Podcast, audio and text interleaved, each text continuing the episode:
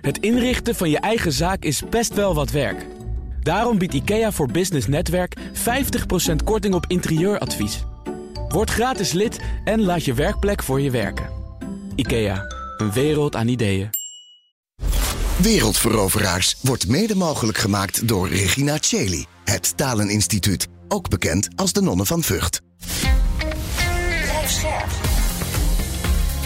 BNR Nieuwsradio.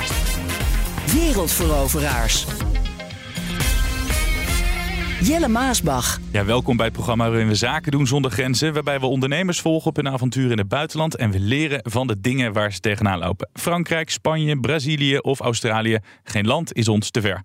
Dit keer weer een ander land waar we het over gaan hebben. En dat doe ik met Pieter-Jan Kleiweg de Zwaan, ambassadeur. En mijn co-host, hij is er weer, Gerald Baal van Transfer.lc. En vandaag blijven we lekker dicht bij huis.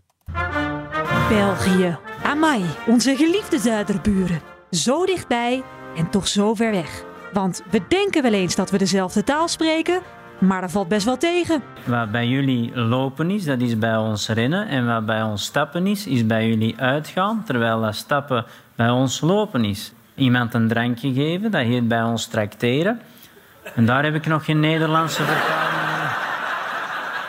België is het land waar de techniek niet altijd meewerkt. Ja, wij moesten kloppen. Want de bel doet het niet. En waar ze op café gaan om een pintje te pakken. Gadverpilligis! Dat is pas lekker! Maar hun meest succesvolle exportproduct is niet het bier. Nee, dat is natuurlijk.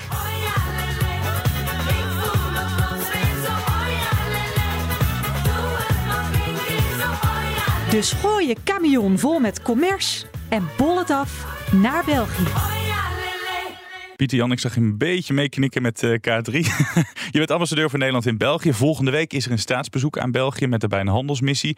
Betekent het ook topdrukte voor een ambassadeur? Ja, het is het uh, hoogtepunt in een relatie, zo'n staatsbezoek. Koning Willem-Alexander en uh, koning Maxima komen drie dagen daar naartoe. En ze nemen ook uh, acht ministers mee en 180 Nederlandse bedrijven. Dat is echt veel. En, en, en hoeveel deelnemers moet ik dan aan denken? Aan honderden? Ja, honderden. We hebben dus 180 Nederlandse bedrijven en ook allemaal Belgische bedrijven die meedoen. Dus uh, we hebben daar een handelsmissie met uh, 500 ondernemers. En uh, ik kan u zeggen, we hadden het ook tot 800 kunnen afklokken, want we hebben Oh, een maand geleden het moeten sluiten. We hadden een klein voetbalstadion mee kunnen vullen. En waarom eh, al dat enthousiasme? Want je zou denken, België is lekker dichtbij. Maar toch zijn er dus heel veel Nederlandse ondernemers die eh, eh, jou en, en, en, en je land eh, daar eh, willen opzoeken.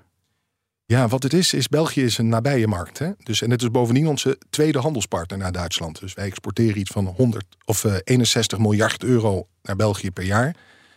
Het geluk, het economisch geluk ligt om de hoek. Eh, we hebben soms de neiging om naar verre oorden te kijken. Ja. Maar wij exporteren meer naar België dan bijvoorbeeld naar China, Amerika en Japan gezamenlijk. En dat zien heel veel Nederlanders, eh, MKB, maar ook grotere bedrijven ook. En daar kunnen wij als Nederlandse overheid bij helpen. Welke Belgische bedrijven staan eh, allemaal eh, op het programma? Nou, we hebben eh, bedrijven in de landbouw, in de duurzame bouw, waterstof en de mobiliteit. Want de missie kleden we in met, met de mooie term climate tech. Dus alles wat daarmee met, duurzame, met duurzaamheid te maken heeft. En Nederland en België staan daarvoor vaak dezelfde opgave. We hebben heel veel mensen die op een, op een klein, klein gebied wonen. En we hebben die, die, die duurzame ambitie. Dus daar kan je dat ook heel goed samen zaken doen. Ik eh, ben nogal fan van, van Leuven. Is dat een van de steden waar het zich afspeelt? Of speelt het in meerdere steden zich, eh, zich af? Nou, we starten in Brussel met deze, met deze 500 bedrijven. Maar we gaan ook eh, met, met ons staatshoofd naar, naar Leuven. Ja. Naar IMEC, dat is een onderzoeksinstituut op het gebied van halfgeleiders. En daar komen ook een aantal Nederlandse grote spelers op, op het gebied van de chipsindustrie, zoals ASML of NXP of ASMI komen dan ook. Ja. Want uiteindelijk zijn eh, Nederland en België, als het gaat om halfgeleiders, spelen Champions League. Hè? Wij, wij hebben daarin top-notch technologie, die belangrijk is voor Europa, ook voor de strategische autonomie van Europa. Dus daar gaan we ook een swing aan geven tijdens het staatsbezoek. Er is heel veel interesse, maar denk ik ook heel weinig tijd. Moet ik het dan zien als een soort van speeddates? Dat je heel snel de tijd hebt om elkaar eh, de liefde te verklaren? Ja, het zijn speed dates, dus, dus dat noemen we matchmaking. Dus dan gaat in, eh, met, met snelle rondes, kwartier, twintig minuten kunnen Nederlanders met Belgen, Belgen spreken. Ja. En mijn ervaring vaak is dat daar houden Nederlandse ondernemers 10, 12, 15 telefoonnummers in hun iPhone eh, van, van over. En dan gaan ze terug naar Nederland. En dan heb je die mensen al een keer gezien, die contacten. En dan kan je daarna weer mee spreken en mee afspreken. En van die contacten die wij hebben kunnen faciliteren, maar ook in, in samenwerking natuurlijk met de RWO, maar ook met, met transfer, komen daarna de contracten. En om een beetje in die liefdestermen te blijven, ben je dan een soort van de Robert en Brink die daartussen loopt als Dr. Love om, om die mensen te koppelen? Ja, ik ben de matchmaker. en we zorgen ook dat er daarna nog wel wat follow-up plaatsvindt. Want in de liefde is dat ook altijd. Soms heb je liefde op het eerste gezicht. Ja, heel goed. Maar de liefde die echt beklijft, is dat je elkaar daarna nog een keer blijft zien. Uh, Gerald, je hebt vaak geholpen met de organisatie van zo'n handelsmissie. Wat Klopt. maakt een, een handelsmissie naar België wat dat betreft eh, anders? Nou, zoals eh, Pieter Jan al zei, eh, het is eh, dichtbij gelegen. Je kan bij wijze van spreken vanuit Brabant en Limburg kan je op de fiets er Ja. naartoe. Voor een groot deel kan het zelfs in dezelfde taal. Ook al is dat wel meteen ook de, de valkuil. De Belgen zijn erg trouw, zo ervaren wij die. De matchmaking waar wij dan voor worden ingehuurd om dat te organiseren. Wij hebben voor ruim 400 afspraken kunnen plannen inmiddels. Ik weet zeker dat 99% daar ook daadwerkelijk van zal plaatsvinden. Ze zijn erg trouw. En daarnaast zijn die missies ook altijd erg gevuld met Nederlandse bedrijven. Hè. Dus er is erg veel animo onder het Nederlands bedrijfsleven om juist beter te worden in België. Ja, vind ik toch wel grappig, want het eerste vooroordeel is precies wat jij zegt. Je kan de fiets pakken of je kan eh, met de auto naartoe, is lekker dichtbij. Dan heb je zo'n handelsmissie helemaal niet meer nodig. Ja, dat zou je misschien denken. hè. Een handelsmissie werkt zeker ook goed in, in verre weglanden. Maar juist eh, waar- waarom Pieter Jan hier natuurlijk ook eh, zit. eh, als je een handelsmissie hebt, dan hangt er een overheidsvlag boven om mee te beginnen. Nou, dan gaan er zelfs acht ministers mee. Eh, twee koningskoppels eh, in totaal zijn er. Dat opent weer extra deuren. En je moet toch ergens starten. En als die deuren makkelijker geopend worden, en daar is een handelsmissie voor bedoeld, hè, er worden contacten gelegd, allerlei sub-events worden georganiseerd, ga je dus met 10, 15 hele interessante potentiële zakenpartners ga je terug naar huis. En als dat dan goed opvolgt, ja, dan heb je een hele goede basis voor een grote exportmarkt, waar wij als Nederland eh, heel veel aan verdienen uiteindelijk. Ja, want die zwaargewichten die helpen. Hè. Ik ben begin dit jaar mee geweest naar zo'n handelsmissie in Las Vegas, zoals Prins Constantijn er. Nou, dat doet wel wat, zag ik eh, daar. Ja, exact. Het is niet voor niks ook dat deze handelsmissie eh, al weken van tevoren eigenlijk eh, bomvol was. We hadden misschien wel 800 deelnemers kunnen hebben, inderdaad. Nou, wij doen al 25 jaar handelsmissies en ik heb het nog nooit zien gebeuren. En dat heeft toch mee te maken met de combinatie België, belangrijke exportmarkt, en twee koningsparen, ministers en hele interessante topics. Maar je doet al 25 jaar, er moet ook wel eens een keer iets niet zo goed zijn gegaan. Qua missie of in, in België missie. specifiek? In het algemeen. Nou, we dat hebben, mag ook in België zijn. We hebben het in het begin ook moeten leren. Hè. Ik We hebben allemaal universitaire opleidingen genoten, maar daar leer je niet hoe je een handelsmissie organiseert. Hè. Dus Ja. 25 jaar geleden ging het er echt wel anders aan toe eh, dan eh, zoals we het eh, nu doen. eh. Zeker. Een van de deelnemers aan de handelsmissie van volgende week is Tim van Iersel van Fotolight. Hij doet al 25 jaar zaken in België, maar gaat toch mee met de handelsmissie. Ik vroeg hem net voor de uitzending waarom. ik ga ook mee op handelsmissies om mijn geest te verzetten. En dat betekent dat ik eh, om me heen kijk. Eh, vaak is het zo dat je met een groep bedrijven waarmee je weggaat, eh, dat daar ook vaak een aantal bedrijven bij zitten waar je raakvlakken hebt, waar je handel mee kan drijven. En daarnaast kijk je ook of je in het land waar je naartoe gaat, of je daar wellicht kan gaan scoren met orders. Wat zou je graag willen scoren? Je bent altijd erop uit om een tafel te maken waar 15 poten onder zitten. En dat betekent dat, je, dat het ook prettig is, stel dat je wat klanten in Nederland hebt, wat onze huismarkt, wat thuismarkt is. Maar dat je ook probeert in België drie of vier klanten te hebben die gewoon bijvoorbeeld een tiende van je omzet uitmaken. Dat je weer meer spreiding hebt en dat er altijd wel van de een of andere kant handel binnenkomt en wat je kan maken. Wat doet het voor jou dat de koning eh, meegaat? Het is een leuk bijkomstig iets. Het is iets eh, speciaals. Eh, ik ben inmiddels op eh, drie handelsmissies mee geweest waar de koning en koningin erbij waren. Ik heb zelfs een keer in Ierland een korte presentatie, een pitch mogen gegeven richting koningin Maxima. Maar het is gewoon leuk. Dus aan de ene kant zeg je van ja, je bent Nederlander, van doe maar normaal. Aan de andere kant is het toch wel heel erg leuk. Jij kent ze goed. Wat maakt de Belgen zo anders dan, dan de Nederlanders in, op het gebied van zaken doen? Ik vind zelf dat met een Belg moet je beginnen je te verontschuldigen dat je Nederlander bent. Want je bent als Nederlander heel direct. Je bent vaak snel aan het eh, jijen en alles. En een Belg is veel formeler. Het is meer een Fransman. Dat moet je je heel goed realiseren. Je moet ook je realiseren dat eh, Nederlanders een bepaalde historie met Belgen hebben. Eh, aan de ene kant wordt het op prijs gesteld dat we doorpakken, dat we flexibel zijn. Dat wordt op prijs gesteld. Aan de andere kant moet je heel erg oppassen dat je niet als bedweterig of als te direct overkomt. Ja, je hoorde Tim van Iersel van Fotolight. Pieter Jan, ik zag jou knikken. Volgens mij was je het wel eens eh, met deze ondernemer. Ja, hier hoor je een ondernemer die al 25 jaar ervaring heeft in België. Het eerste wat ik tegen Nederlandse ondernemers zeg als ze naar België komen, zeg besef je dat je in het buitenland bent. En dat is vaak bedriegelijk, want je je eigen taal vaak kan spreken. Ja. Dus en, en dan denken Nederlanders, nou, het is ook een beetje Nederland. En dan maken ze in de fout. Want ik heb altijd veel respect voor Nederlandse ondernemers. Ik ben ook ambassadeur in Senegal geweest. En dan vind ik dat ze heel goed die cultuur aanvoelen. Gaan ze echt niet in een moslimland met hun zolen eh, laten zien aan de gastheer. Nee. Maar in België, omdat ze nog niet dat, precies dat gevoel hebben dat ze in het buitenland zijn, zijn ze een beetje off guard. En inderdaad, zijn ze erg direct, beginnen ze soms te snel over geld te praten, zijn ze te informeel. Ehm, en dat stoot de Belg af. Terwijl die ons heel goed kent, overigens ook. Dus eh, hij zal het ook ons ook wel een beetje vergeven. Maar als je maar beseft dat je in het buitenland bent, nou, dan ben je er al bijna. En is het ook zo dat de Belg, ja, vergeeft hem dus uiteindelijk, maar wijst de Nederlandse ondernemer daar misschien ook dan wel op? Of, of durven ze dat niet zo goed? Je moet bij België altijd goed luisteren wat mensen zeggen en wat ze niet zeggen. Er is een zekere mate van subtiliteit. Mhm. Eh, mensen is een indirecte boodschappen die worden afgeleverd. En in Nederland vinden wij directheid een deugd. Maar in België is directheid juist onbeleefd. Ja. Je moet dus goed luisteren. Een tijdje terug eh, heb je de ambassadeprijs gewonnen. Nederlandse ondernemers hebben de ambassade in België als beste beoordeeld. Trots? Dat is een trots van het hele team. We hebben een aantal. Ja, maar voor jezelf ook wel toch? Ja, zeker. Maar het is een, het is een collective effort hè, met, met veel mensen eh, die, dat, eh, die, die daar ongelooflijk goed hun best voor hebben gedaan. En ik geloof dat eh, het team wat wij hebben erg klantgericht is en vindt dat je excellente dienstverlening aan die Nederlandse Ja. ondernemers moet geven. Maar hoe mooi is het dat je zoveel ambassades over de hele wereld hebt. En dat jij de ambassade in, in België bestiert en dat je dan die prijs pakt. Dat vind ik, dat is mooi. Dat is mooi, maar eigen roem stinkt altijd. En, eh, en, het, is een, eh, en het, het toont aan dat die Nederlandse diplomatie wereldwijd heel goed werk doet voor Nederlandse ondernemers. VNO-NCW geeft de Nederlandse diplomatie altijd een 8,5 en 8,6 voor de economische dienstverlening. En dat vind ik belangrijk dat de Nederlanders die de belasting betalen zien wat wij voor die ondernemers doen. Je bent eh, bescheiden, maak ik op uit je verhaal. Maar wat kun je als ambassadeur doen voor de Nederlandse ondernemers? Waardoor je dus die prijs hebt gepakt? Ik denk dat je twee dingen moet doen. Eén, dat je ze op maat bedient. En eh, ik heb een collega, Willemijn Brakenhof, die bijvoorbeeld een systeem heeft bedacht dat Nederlandse ondernemers, als ze België niet kennen, binnen een dag een crashcourse België krijgen. Arbeidsmarkt, vestigingsklimaat, hoe je aan een agent komt. Dat is één werk, dus klantgericht, op maat. En ten tweede moet je ook als ambassadeur lobbyen, belangen behartigen voor de Nederlandse sector, de Nederlandse industrie.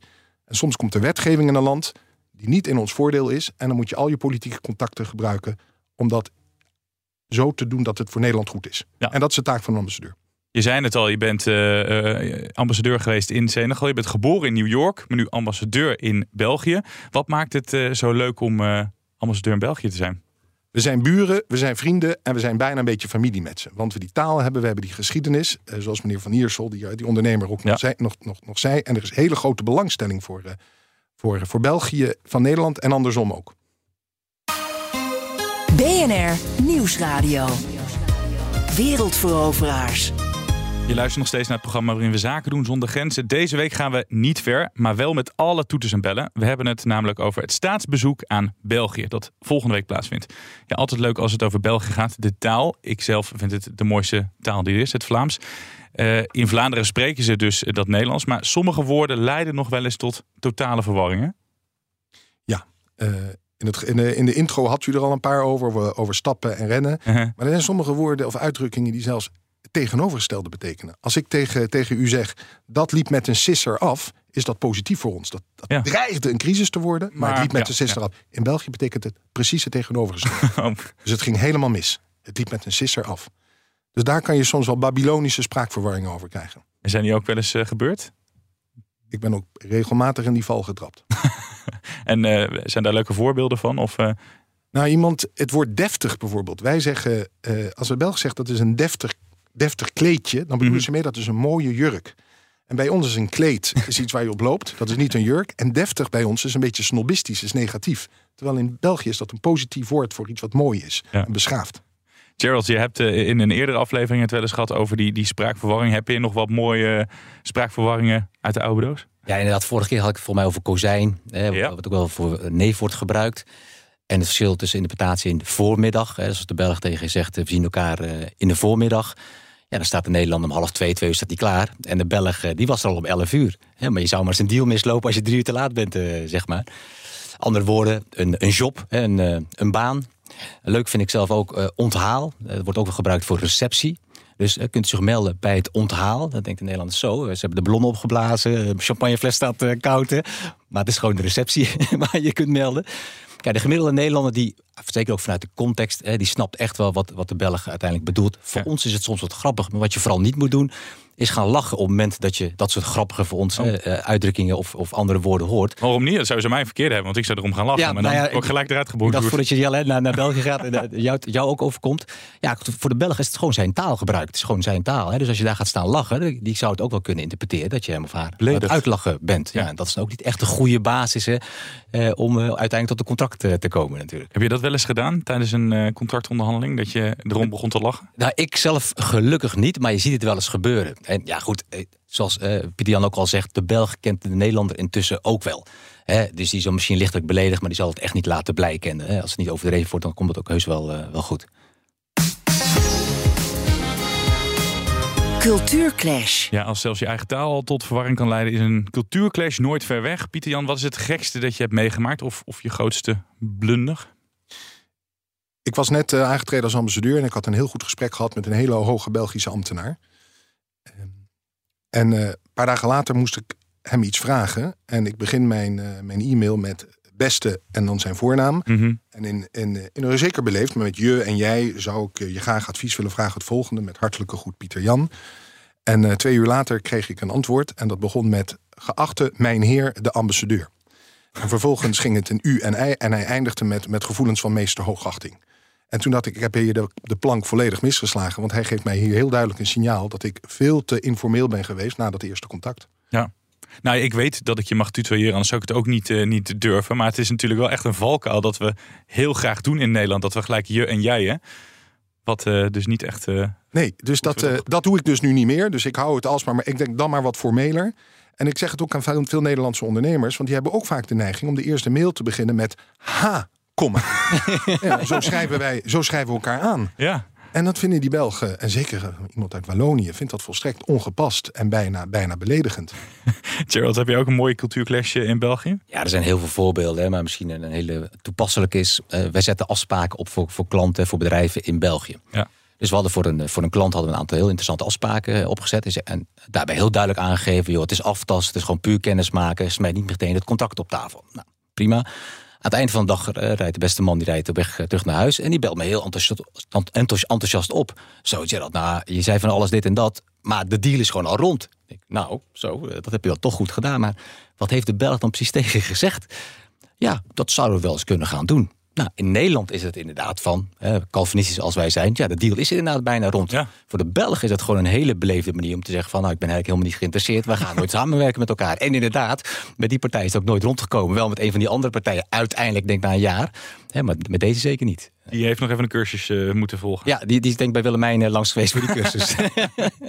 Over cursussen gesproken. eh, je moet ook eh, gaan leren dat het bestuurlijk in België anders is dan in Nederland. Krijgen ondernemers daar ook mee te maken? Ja, heel veel. Eh, wij hebben in Nederland toch een gedecentraliseerde eenheidsstaat. Mhm. In België is dat niet. Het is een hele ingewikkelde staatsstructuur waar de gewesten, hè, dus Brussel, Vlaanderen, Wallonië, grote mate van eigenstandige bevoegdheden hebben. Het is een, eh, Nederlanders vinden dat ingewikkeld. Ze vinden dat bijna een bestuurlijke spaghetti. En dan moet je uitleggen, want je moet weten waar de verantwoordelijkheden liggen. Als er een aanbesteding is bij wie je moet zijn.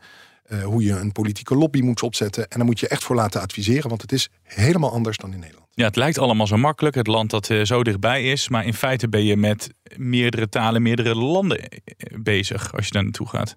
Ja, daar moet je zeer goed bewust van zijn. Want anders sla je ook volledig de plank mis. Of ga je met iemand praten die er helemaal niet over gaat. Om je een idee te geven, innovatie, natuur, stikstof, onderwijs... zijn allemaal bevoegdheden waar de Belgische staat helemaal geen bevoegdheden heeft. Daar gaat Vlaanderen over. Dus als je, zeker als het gaat om eh, nou, de, de grote missie die wij nu gaan doen... klimaattechnologie, dat is een bevoegdheid waar de regio's in België... federvurend voor zijn. Maar dan moet je bijna de schoolbanken nog even invoeren dat je daar echt zaken gaat doen. Verschillen tussen Vlaanderen en, en Wallonië. Ja, en, die, en daar zijn ook weer een aantal cultuurverschillen. En als Ja. je in Wallonië zaken wil doen.